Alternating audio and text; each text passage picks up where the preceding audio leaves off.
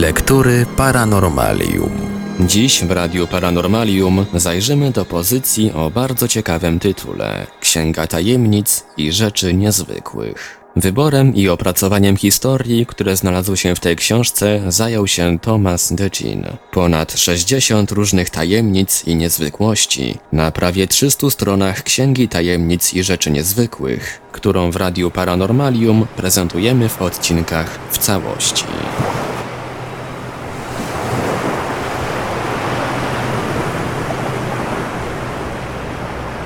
Wąż kapitana Siberiego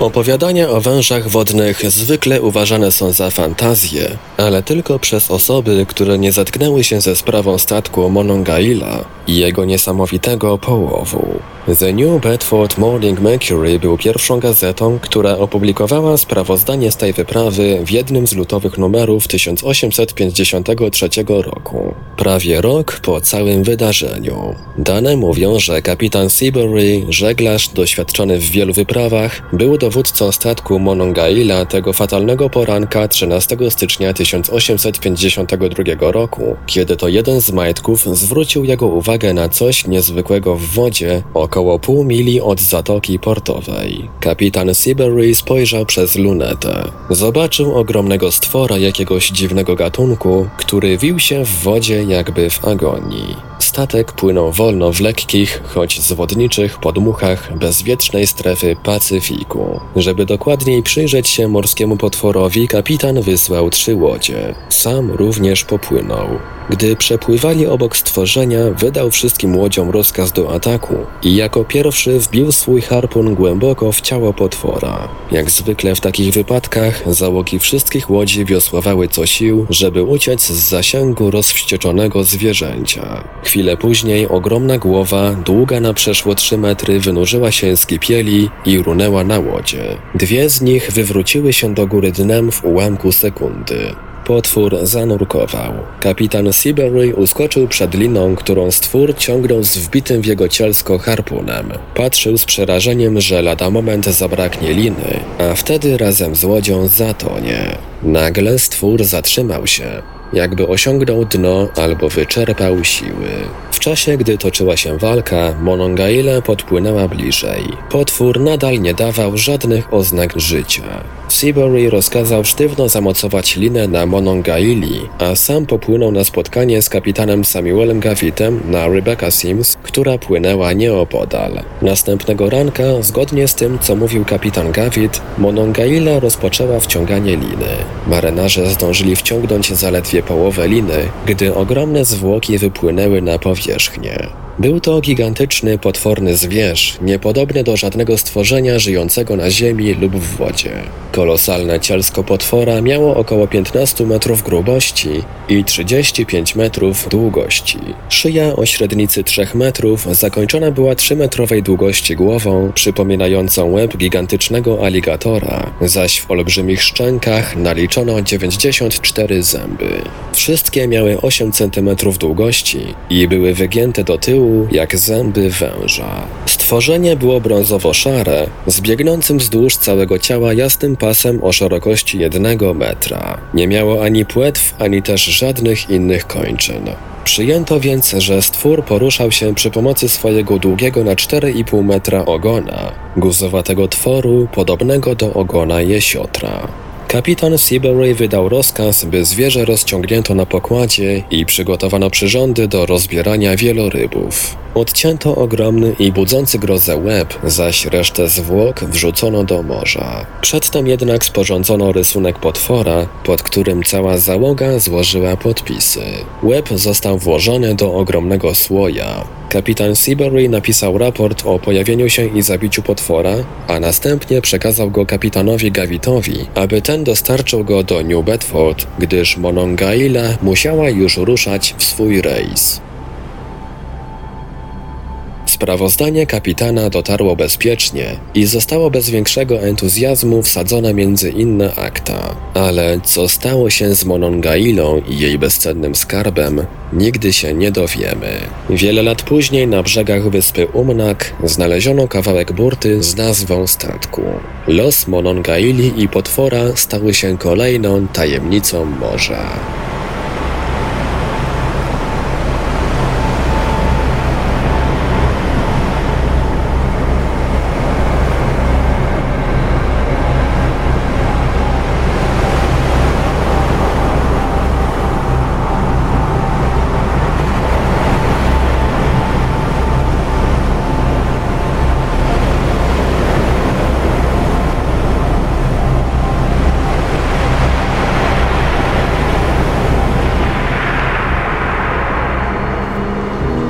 Lektury Paranormalium. Upiorny ptak z doliny Rio Grande. Armando Grimaldo upiera się, że kiedy to się stało, nie był pijany, nie palił marihuany, ani nic z tych rzeczy. Siedział po prostu spokojnie na podwórku farmy swojej macochy i palił papierosa. Jego żona spała w domu. Była 22.30 14 stycznia 1976 roku. Miejsce wydarzeń Raymondville w Dolinie Rio Grande w Teksasie.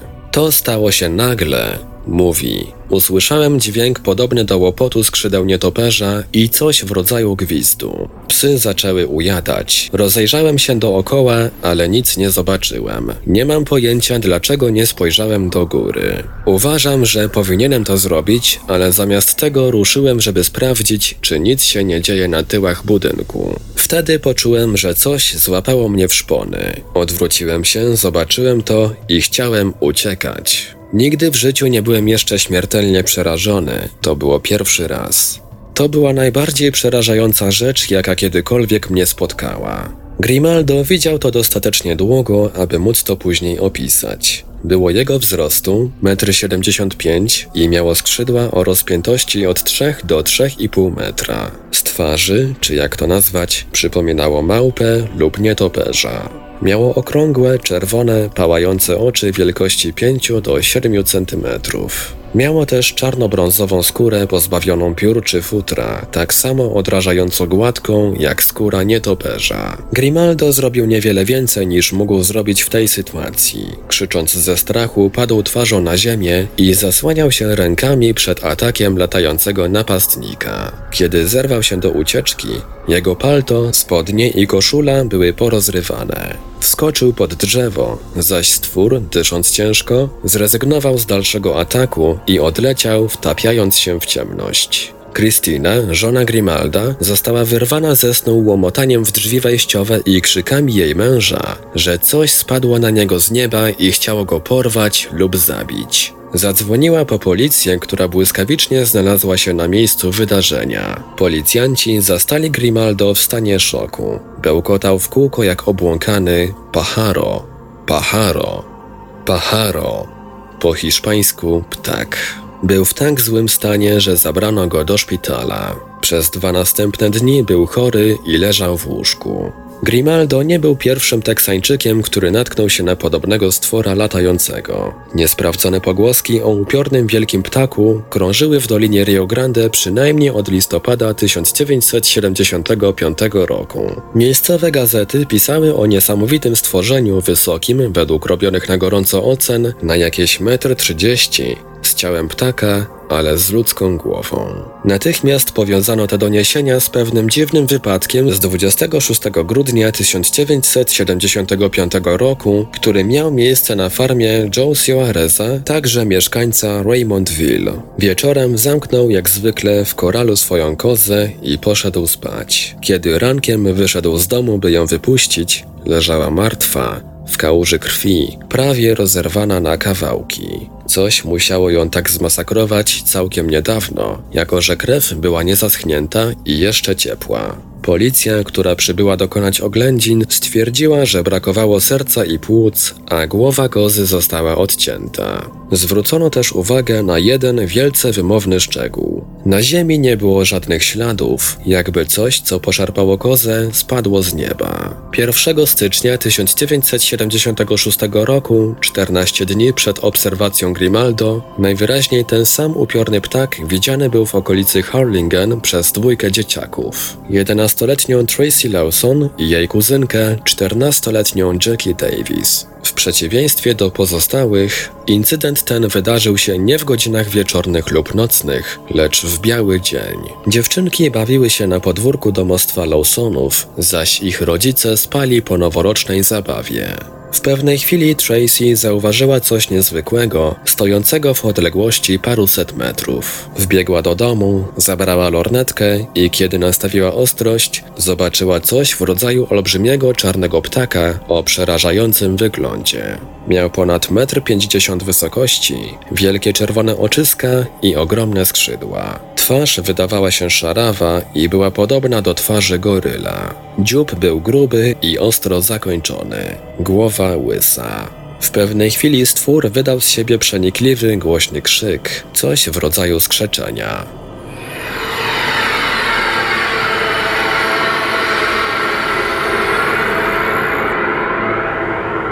Następną rzeczą, jaką zobaczyły dziewczynki, było to, jak stwór biegł lub nisko leciał, pojawiając się i znikając między zabudowaniami. Dziewczęta wbiegły do domu i przestraszone nie wychodziły na dwór, dopóki nie obudzili się rodzice, którzy nie potraktowali jednak ich opowieści poważnie. Z wyjątkiem ojczyma Jackie. Ciągle wprawdzie sceptyczny, poszedł jednak w miejsce wskazane przez dziewczęta, a kiedy wrócił, nie był już tak pewny siebie.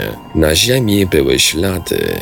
Pierwsze trzy tuż za płotem, czwarty jakieś 20 metrów dalej w głębi pola, a piąty 20 metrów za nim. Ślady były trzypalczaste i zagłębione prawie na 4 cm w ziemi. Stan Lawson, ojciec Tracy, człowiek ważący 80 kg, postawił swoją stopę obok odcisku ptasiego pazura i stanął na jednej nodze. Jego but praktycznie nie zagłębił się w gruncie. To coś musiało nieźle ważyć powiedział później. Zauważył, że coś dziwnego stało się też z jego psem. Jak nigdy dotąd siedział cicho w swojej budzie, jakby bał się wyjść. Zdołał go namówić do wyjścia dopiero wówczas, gdy przyniósł mu jedzenie. Tej nocy, za otwartym oknem swojej sypialni, usłyszał dźwięk przypominający łopot ogromnych skrzydeł. Podbiegł do okna, odsunął zasłonę i wyjrzał, ale nic nie zobaczył. Nie pamięta, czy było to już przedtem, ale kiedy obudził się rano, zasłona w oknie była rozdarta. Chyba już nigdy nie dowiemy się, co tej nocy grzmotnęło w dach samochodu sierżanta policji Sama Espolcy, mieszkającego w najbliższym sąsiedztwie domu Lawsonów. Wiadomo natomiast, co uderzyło w dach ciężarówki niejakiego Alverico Guajardo, również mieszkańca Doliny Rio Grande, który w przeciwieństwie do leniwego sierżanta policji wybiegł natychmiast z domu, kiedy usłyszał, że coś walnęło w ciężarówkę, jakby ktoś rzucił w nią workiem cementu. Guajardo wyszedł na zewnątrz i nie mając latarki wsiadł do swojego samochodu osobowego, wolno okrążył ciężarówkę i skierował reflektory w podejrzane miejsce. Kiedy rozbłysło oślepiające światło, zobaczył coś z innej planety. Kiedy światła uderzyły weń, stwór podniósł się i runął w kierunku kierowcy, błyskając czerwonymi oczami wielkości srebrnej dolarówki. Przez następne dwie lub trzy minuty stworzenie stało i wlepiało swoje oczy w człowieka, który ze strachu nie mógł zrobić żadnego ruchu. Stwór mierzył około 1,30 m wzrostu, miał czarną skórę i dziób o metrowej długości. Z jego gardła wydobywał się przerażająco brzmiący dźwięk i widać było jak krtań pulsuje. Ramiona otaczały długie, nietoperzo podobne skrzydła. Na koniec stworzenie cofnęło się i zaczęło odchodzić. Kiedy Guajardo zebrał się wreszcie w garść i ruszył w stronę najbliższego domu, ptasiopodobny upiór znikał w mroku nocy. Następnego ranka reporter miejscowej gazety Brownsville Herald Po przeprowadzeniu wywiadu z Guajardo powiedział: To nie jest żadna głupia gadka. Ten facet naprawdę coś widział. Jest najbardziej przekonującym świadkiem spotkania z wielkim ptakiem, z jakim kiedykolwiek rozmawiałem. Jeśli któraś z tych historii jest prawdziwa, to właśnie ta. Od czasu do czasu przyroda płata figle i rodzi się jakiś dziwoląg.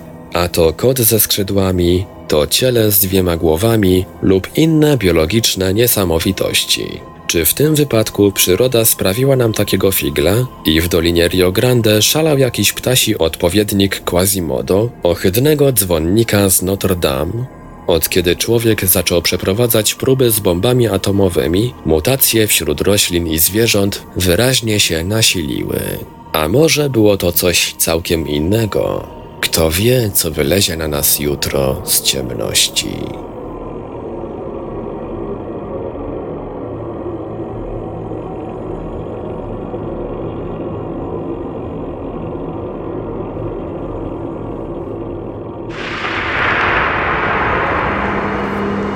Lektury Paranormalium.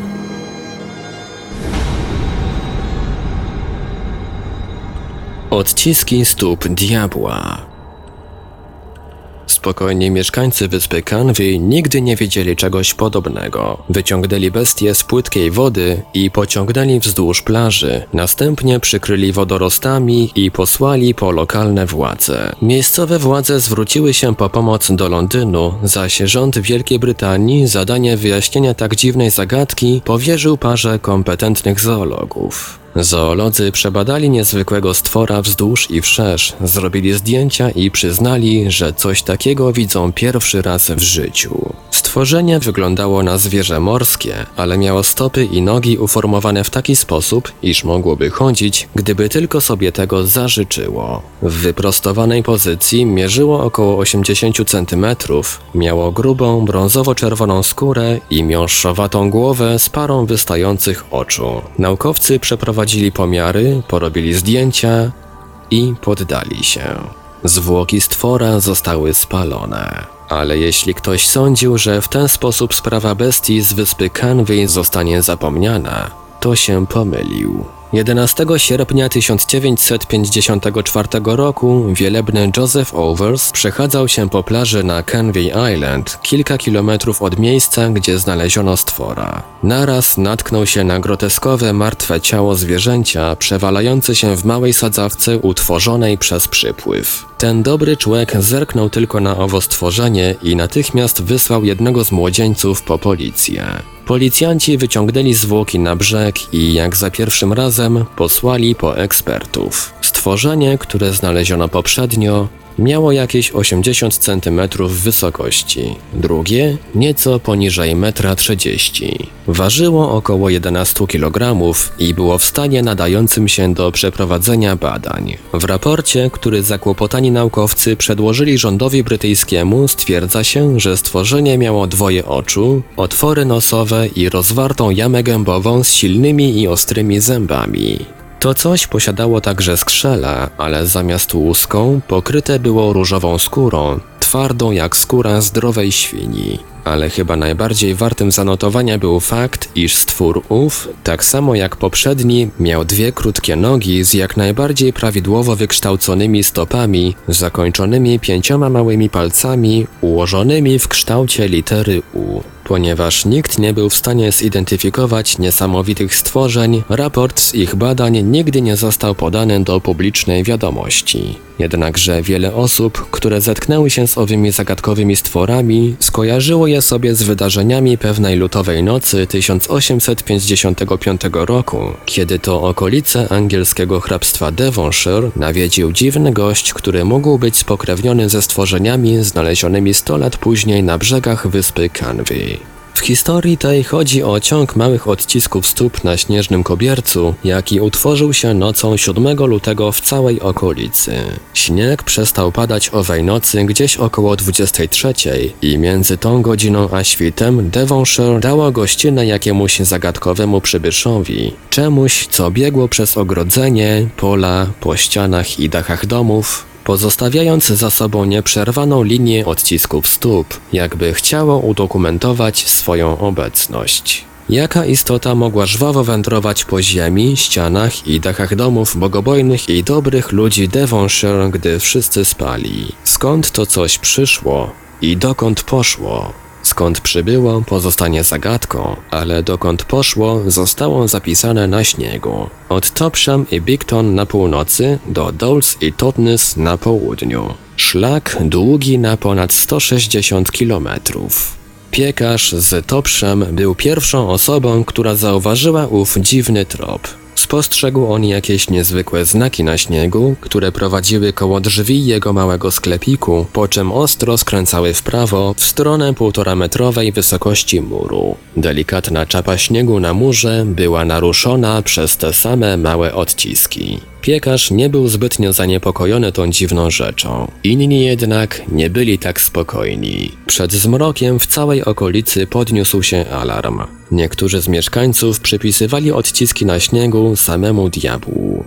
Małe znaki w kształcie podkowy w równych odstępach 20 cm ciągnęły się od Exmouth poprzez pola i dachy domów do zatoki w pobliżu Powderham Castle, aby pojawić się na nowo po drugiej stronie zatoki i tam ciągnąć się aż do Totnes, wiele kilometrów na południe. Londyński Times i inne gazety poświęciły wiele kolumn tej dziwnej historii w Devonshire. Pojawiły się próby wyjaśnienia tego zjawiska. Trop ten przypisywano wilkom, ptakom, a nawet kangurom. Jednak żadna z hipotez nie mogła być zaakceptowana, gdyż żadna nie pasowała do faktów. Jedno tylko było pewne. Ktoś lub coś biegło przez pola, przebiegając przez dachy na odcinku 160 km, po czym weszło do wody i nikt już o nim nigdy nie usłyszał. Chyba, że były to istoty tego samego rodzaju, których przedstawicieli znaleziono na brzegu wyspy Conway w 1953 i 1954 roku. Ale nawet gdyby tak było, nierozwikłana pozostaje główna tajemnica spowita mrokiem naszej niewiedzy zagadka samych tych istot.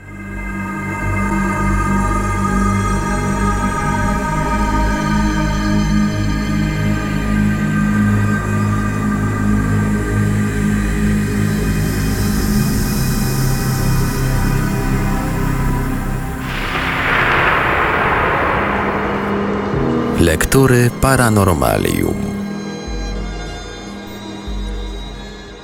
Zagadka skały w Dayton. Od wielu lat wysiłki uczonych, żeby odczytać napis wyryty na skalę w Dayton, nie przynoszą żadnych rezultatów. Jeśli kiedykolwiek próba odczytania go powiedzie się, wówczas historia wzbogaci się o nowy, fascynujący rozdział. Napis na skalę w Dayton liczy sobie ładnych kilka wieków, co do tego nie ma żadnych wątpliwości. Ktoś pracowicie spędził kilka miesięcy wykuwając w skalę znaki, cokolwiek one oznaczają, metalowym, nieznanym bliżej na brzegu morza, gdzie rzeka Taunton wpada do ujścia Assonet w Massachusetts. Wierzchołek skały wystaje nad powierzchnię wody nawet w czasie przypływu. Pismo widać najlepiej, kiedy słońce świeci ukośnie. Spory o wyrytą treść na skale trwają od 1690 roku. Wtedy to słynny kaznodzieja Cotton Mather napisał: Jedną z ciekawostek Nowej Anglii jest potężna skała, częściowo zakryta wodą podczas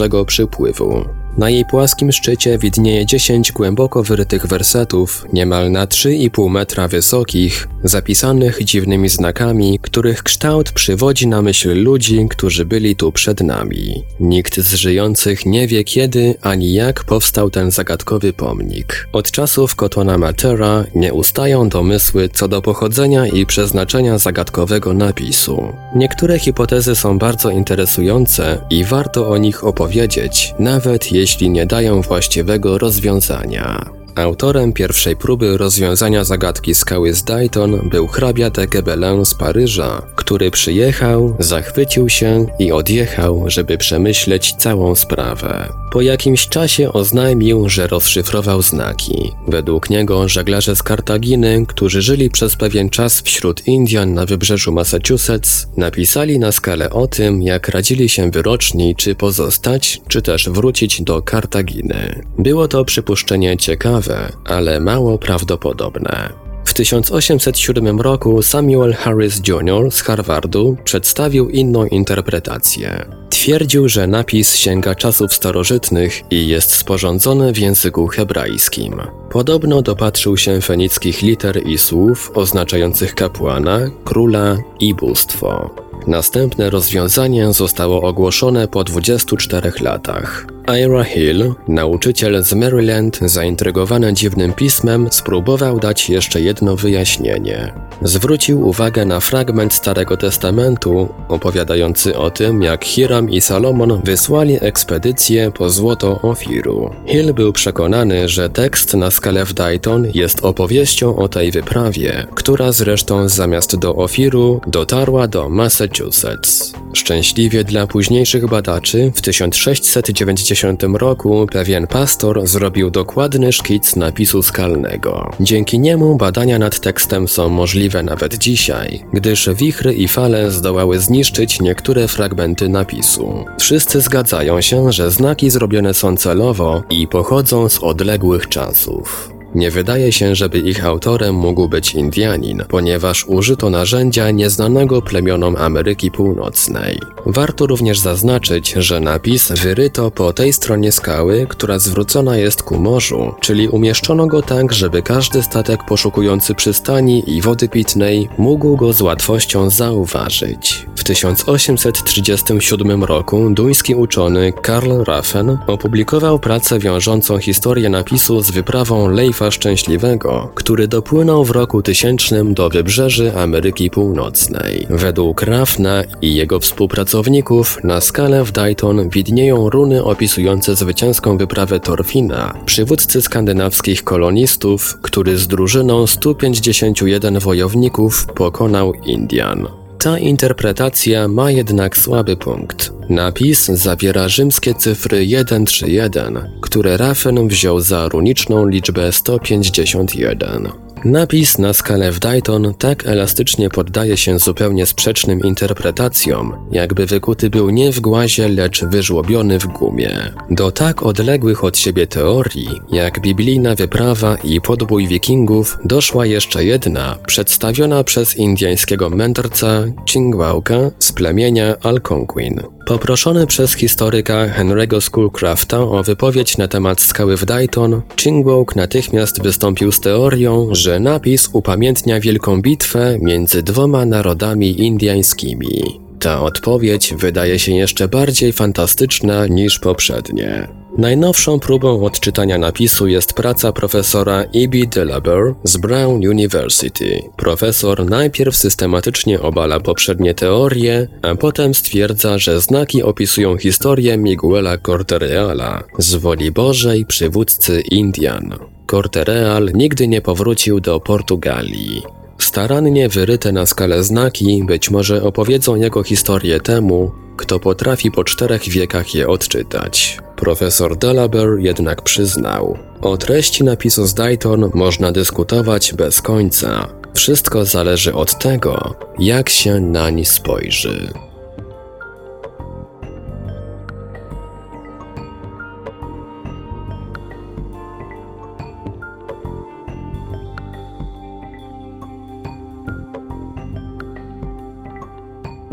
Był to fragment książki Thomasa Degina Księga Tajemnic i Rzeczy Niezwykłych. Dalszy ciąg w kolejnym odcinku Lektur Paranormalium.